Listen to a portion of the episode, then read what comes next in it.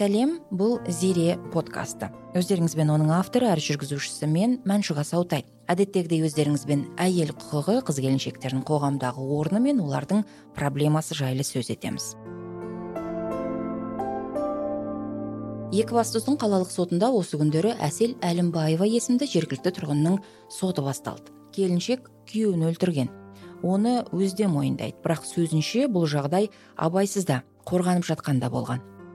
8 мая со мной этого года случилась трагедия. В ходе очередного избиения физического насилия и попытка расправы со мной муж напал на меня с ножом. Опасаясь за свою жизнь и жизнь своего будущего ребенка, отобрав нож, убегая от него, он повторно напал на меня. Поддержимая страхом в состоянии эффекта, я нанесла удар. Последствия стали фатальными для нас обоих. К сожалению, его не стало. Қазір отыз бір жастағы келіншек қасақана адам өлтіру бабымен айыпталып үй қамақта отыр. Марқұм күйеуінен аяғы ауыр қалған әсемнің айы күні жақындап қалған. Дәрігер травматолог болып істейтін келіншек бұған дейін де күйеуінен таяқ жегенін бәрі жақсы болып кетер деген үмітпен шыдап жүргенін де айтады. Дегенмен соңғы жағдайда тек өзі емес болашақ баласы үшін қатты қорқып пышақты қалай сұққанын да білмей қалған көрінеді. Сондықтан бұл істі қасақана адам өлтіру емес аффект жағдайында жасалған адам өлімі я қорғану баптарымен жүргізілгенін сұрап президентке үндеу жасап отыр. Прошу вас уважаемый президент о помощи и поддержке. Так как я верю в справедливость нашего закона и нашего государства. Вынося свою просьбу и историю, хочу донести до остальных женщин, которые сейчас подвергаются домашнему насилию, не терпеть и не ждать, пока это не приведет к такому летальному исходу, как случилось со мной. осы ретте бұл істі өз бақылауына алған жансая дағдарыс орталығының заңгері гүлшара сапарова мен отбасы және балалар психологы республикалық дәрежедегі тренер жеңіскүл хабаеваны қонаққа шақырған едік. Саламатсыздар ма? Саламатсыз ба маншүк? Жақсы сәлеметсіз бе? Сонымен екібастұздағы әсемнің оқиғасын тілге тиек етсек гүлшара заңгер ретінде айтыңызшы әсемді ақтап алу мүмкін бе?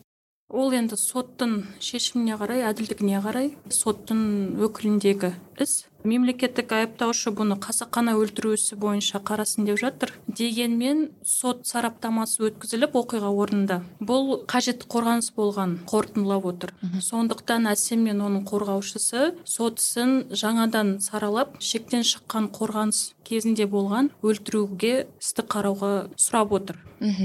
Бұл жердегі айырмашылық егер де мемлекеттік айыптаушының айтқаны бойынша қасақана өлтіру бойынша соттайтын болса сегіз жылдан он бес жылға дейін бас бостандығынан айырылуы мүмкін әсем. Ал егер де жаңағы шектен тыс шыққан қорғаныс болатын болса онда екі жылға дейін бас бостандығынан шектеу немесе айыру болуы мүмкін. Осындай үлкен айырмашылық бар жазалауда. Мхм. Жалпы енді жүйелі түрде үйдегі жасалатын абьюз зорлық ұрып соғуды сот арқылы дәлелдеу өте қиын. Нәтижесінде өкінішке қарай әйел адам не сол зорлықпен көніп өмір сүру керек немесе мынандай жағдайда жаңағындай тойтарыс беріп түрмеге түсу қаупі бар. Сіздің пікіріңізше әсем қылмыскер ма әлде мынау агрессордың құрбаны ма қалай ойлайсыз? Менің ойымша енді біз бәріміз әйел адам болғаннан кейін біз өте төзімді боламыз. Көп нәрсеге. Бұл оқиға бірінші рет болып жатқан емес екен. Куәгерлер бар екен көршілері бар. Қанша рет әсемді соққыға алғанын тұрмыстық зорлық зомбылыққа ұшырағанын көріп жүргендер бар екен. Сондықтан мен ойымша енді зорлық зомбылықтың құрбаны бізде әсем. Адам өзін қорғаған кезде біріншіден екіншіден ол екі қабат әйел. Ішіндегі баласын қорғады. Сондықтан аффект жағдайында болған оқиға деп ойлаймын. Әрине жауапқа тартылады бірақ дегенмен де бұл қорғаныс деп ойлаймын. Әйел адамның өз өзін қорғағаны екіншіден баласын қорғағаны. Ал сіз жеңіскүл психолог ретінде бұл мәселеге қатысты не айтар едіңіз? Ашу ыза реніш жаңағы қорқыныш сезімін шығарамау бұлардың бәрі эмоцияның түрі болып келеді. Ол кейске бармай тұрып агрессияны анау бала кезден бастайтын болсақ енді мен өзім жұмысымда сол бала кездегі травмадан бастаймын бала бірден ол агрессия болып өмірге келмейді ғой. А, ол біртіндеп пайда болады. Мысалы агрессивті бала қалай пайда болды десек баланы отбасында алып келгеннен кейін ата ананың екі тарапы да балаға жауапты болу керек. Яғни бала мысалы қуанғанда қатты айғайлайды жүгіреді. Сол сияқты бала ашуланғанда бір нәрсені жаңа ұрады. Немесе жаңа үйге келген балаға тиіседі балабақшада болсын соны көре тұрған ата ана мінезді бала болады деп соған қуанады да бірақ негізінде сол жерден бастап ата ана түсіне бастау керек. Бұл балаға агрессия қайдан пайда бола бастады? Яғни ата ана айту керек. Балам сенімен сөйлесейік өйткені ішкі сезімді шығара білу керек та көп осы ішкі сезімді шығармаудан пайда болады да ішіне тола береді осы ішке толған нәрсе үлкейе үлкейе келеді агрессивті бала мінез құлқын пайда болады. Яғни ол баланың бір нәрсеге деген ішкі наразылығы. Ішкі наразылығы. Ол айта алмайды ғой ата ана соны сұрау керек. Енді жаңа үлкейе үлкейе келді да жаңағы сезімнің шықпай қалуынан ол бірден мына екібастұздағы жағдай болсын басқа ондайлар көп қой. Ол бірден пайда болмайды. Бірден барып қол жұмсау қол көтеру емес. Анау өзін өзі қорғаудан немесе қорғанай алмағаннан пайда болады да бір күш пайда болады. Сол кезде сонда үлкен қателікке ұрынып жатады сіз қазір мынау әйел адамның жағдайын айтып отырсыз иә? енді ол бірден сондай жағдайға барған жоқ ол қызға күш жиналды да. Бірақ соға дейін қаншама ол сезімдерден өтті. Ол адамда күш пайда болғанда өз өзін ұстай алмай қалады. Жаңағы сезімнің дұрыс шықпағанынан ойының нақты жеткізе алмағандығынан міне отбасы жанжалдар осыған ұласып отырады. Бұндай оқиғалар жиі кездесе ме? Біз білетін көп емес оқиғалар. Себебі мұның бәрі қасақана адам өлтіру болып кете береді. Әйелдер колониясындағы қателеспесем бір елу алпыс пайыз әйелдер сол осылай тұрмыстық зорлық зомбылық кезінде өз өзін қорғаймын деп күйеулерін өлтіріп алғандар.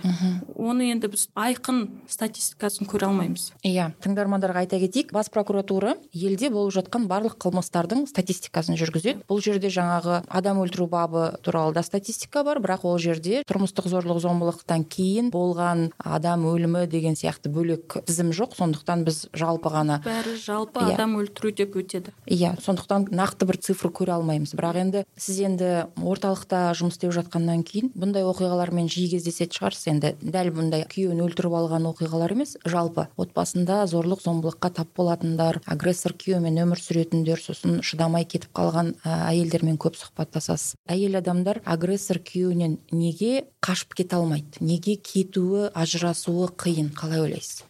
Біріншіден жақын адам егер агрессор болатын болса ең дұрысы ол адаммен қарым қатынасты үзу жола бірақ дегенмен жаңағы абьюзивті қарым қатынаста құрбан болатын жәбірленуші ол бізде әлсіз жандар әйел адамдар балалар зейнет жасындағы кісілер олар сол адамнан тәуелді болады. Сол адаммен бірге тұрады. Кетейін десе кететін жері жоқ. Сондықтан кете алмайды көніп отыра береді. Сондықтан мен енді бір қыз келіншектерге айтарым тұрмысқа шыққаннан кейін жұмыстарыңызды тастап кетпеңіздер. Өз өздеріңізді дамытқан жақсы. Қандай да болсын аз болса да өз табысыңызды тауып отырған абзал негізі. Екіншіден жақын туған туыстармен достармен қарым қатынасты үзбеу керек. Себебі агрессорлар абьюзерлар олар деген қорғанысы жоқ адамдарға. Әйелдерге ешкімі жоқ баратын жері жоқ адамдар ғана тиісе алады.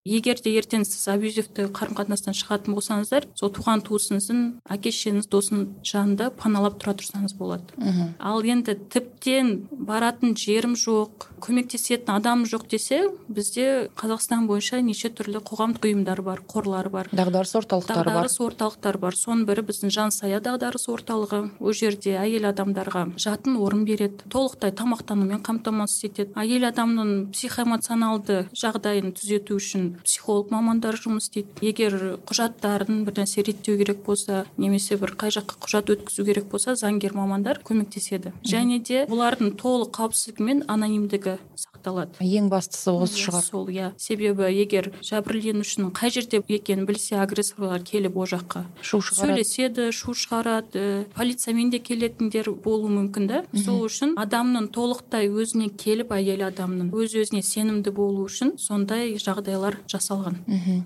Қазақ қоғамындағы мынау ескі түсініктер мен қазіргі заманның талаптары қайшы келіп жатады. Әсіресе мына ауылдардағы қазақи дәстүрмен өмір сүріп жатқан отбасыларда зорлық зомбылық жиі кездесіп жатады да зорлық зомбылықты қалыпты дүние деп қабылдауға не себеп? Дәстүр де заман да өз орнында тұр. Адамдар. Бәрі балабақшадан басталған нәрседен бастап қоғамдық көліктерде қарасаңыз балаларын жоғары деңгейде еркелетіп отыратын ата аналар көреміз иә мысалы қаталдық пен еркелікті таразының басын екеуін тең ұстау керек. Қаталдық ұстаған жердің өзінде де жоқ деп айттыңыз ба балаңызға? Не үшін жоқ деп айтқаныңызды түсіндіре білу керек. Еркелеттіңіз ба? Оны да түсіндіре білу керек. Ол ауыл болсын қала болсын бізге келіп жатқан адамдардың көбі зорлық зомбылық көрген жағдайлары тым ауыр адамдар келеді ғой. Солармен сөйлесе келгенде ол жерде ұят деген нәрсені жоғары қояды да қоятын кез келді. Шындықпен жұмыс жасайық. Бұл жерде психологтың жұмысы отбасын табыстыру. Екі жаққа жіберу емес. Екеуінің психологиясын зерттей келе нені қалайды ары қарай не істеу керек деген тақырыпты қозғай отырып екеуін табыстырып өздерінің ортақ қызықтарын бірге шеше білу керек. Ары қарай олар өздерінің балаларына береді. Отбасында зорлық зомбылық көріп жатқан қиын жағдайға түскенде не күйеуінен не қайын жұртынан иә не өз отбасынан қолдау таппаған әйел не істеу керек? Кімнен барып көмек сұраған абзал? Өзімен жұмыс жасау арқылы. Жұмыс жасай келе көреді бұл жерде. Өзін түсіну адам ең біздің нәзік тұсымыз өзіміз өзіміз түсінбеу ғой. Біз өзімізді өзіміз қашан жақсылап түсінеміз? Сол кезде барып біз өзімізге көп түсініктеме оны инсайт деп те айтады енді. Дағдарыс орталықтары тек әйелдермен ғана жұмыс істейді. Әйелдермен балалармен жұмыс істейді. Жалпы отбасылармен қарым қатынас орнатып шаңырақтағы өзара үйлесім мен түсіністік туралы айту керек сияқты бұл жерде. Өйткені әйел уақытша пана іздегеннің орнына өз ортасымен түсіністік орнатып жаңағы жақындарының олардың мәселелеріне мән берген дұрыс секілді да. Себебі ол қанша дегенмен пана іздеп сол дағдарыс орталығында өмір бойы өмір сүре алмайды ғой. Ол қоғамға қайта араласу керек ол өзінің ортасын табу керек мүмкін отбасына қайтып оралу керек па? Осы жерде ә, дағдарыс орталықтары психологтар әйелмен қоса ер адаммен де бірге жұмыс істеген дұрыс шығар қалай ойлайсыз?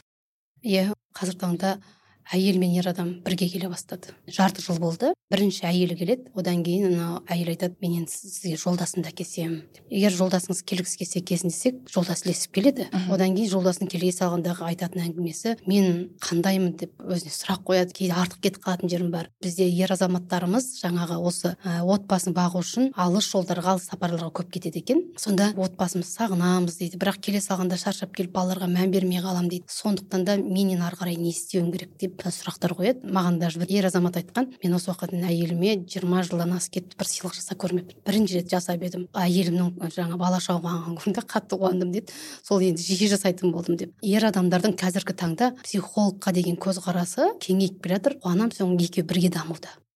Еркекті тек агрессор етіп көрсету дұрыс емес сияқты. Отбасындағы өзара татулық махаббат сыйластық сезімдер ерекше рөл атқарады. Отбасындағы мұндай мәселелерді сөз еткенде біз барлығын осылай агрессор ер адам зардап шегетін әйел адам формасына сипаттап саламыз да осы мәселенің түп тамырына үңіліп оны қоғам болып шешудің бір жолы бар ма?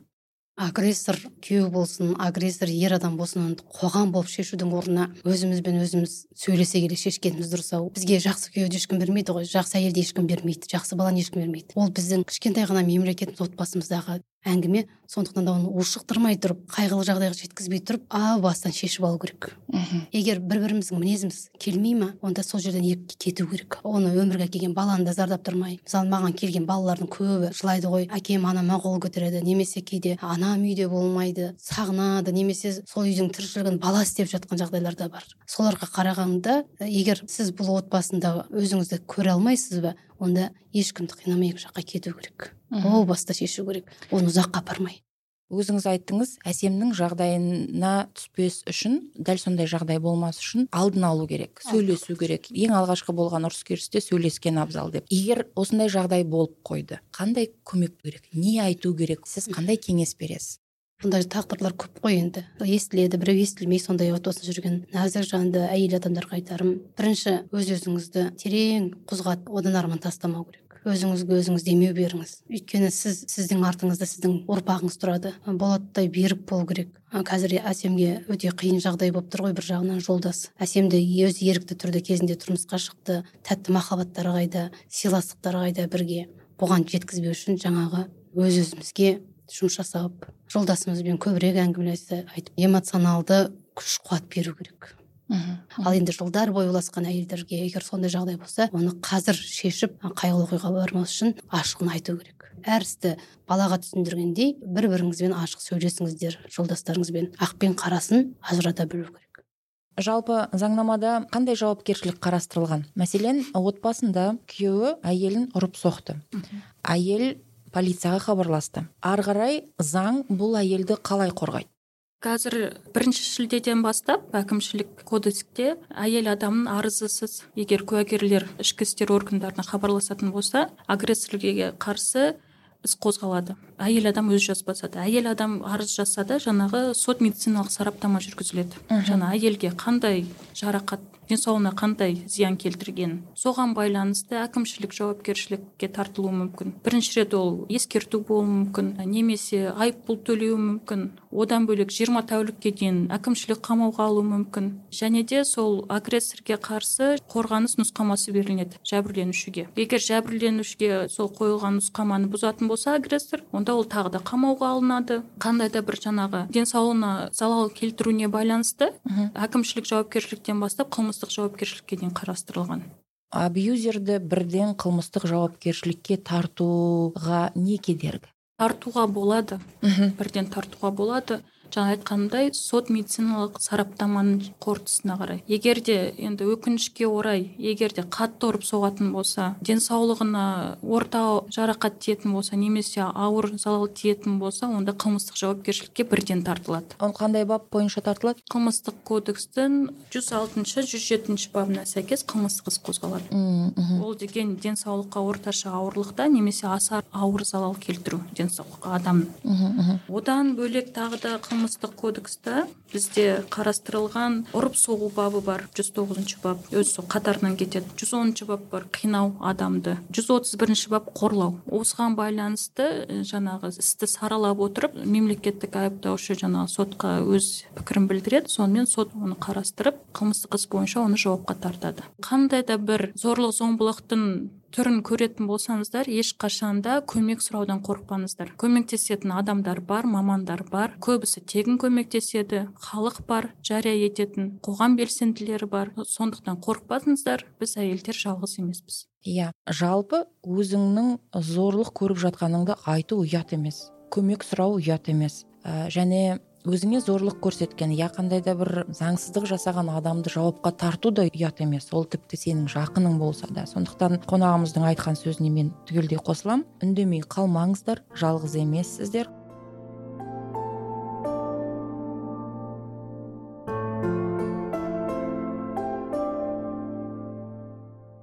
осындай оймен бүгінгі подкастымызды аяқтауға рұқсат етіңіздер қымбатты тыңдарман. Әдеттегідей бізді азаттықтың сайты мен ютубтен және барлық подкаст платформалардан тыңдай аласыздар. Келесі кездескенше келесі эпизодқа дейін сау болыңыздар.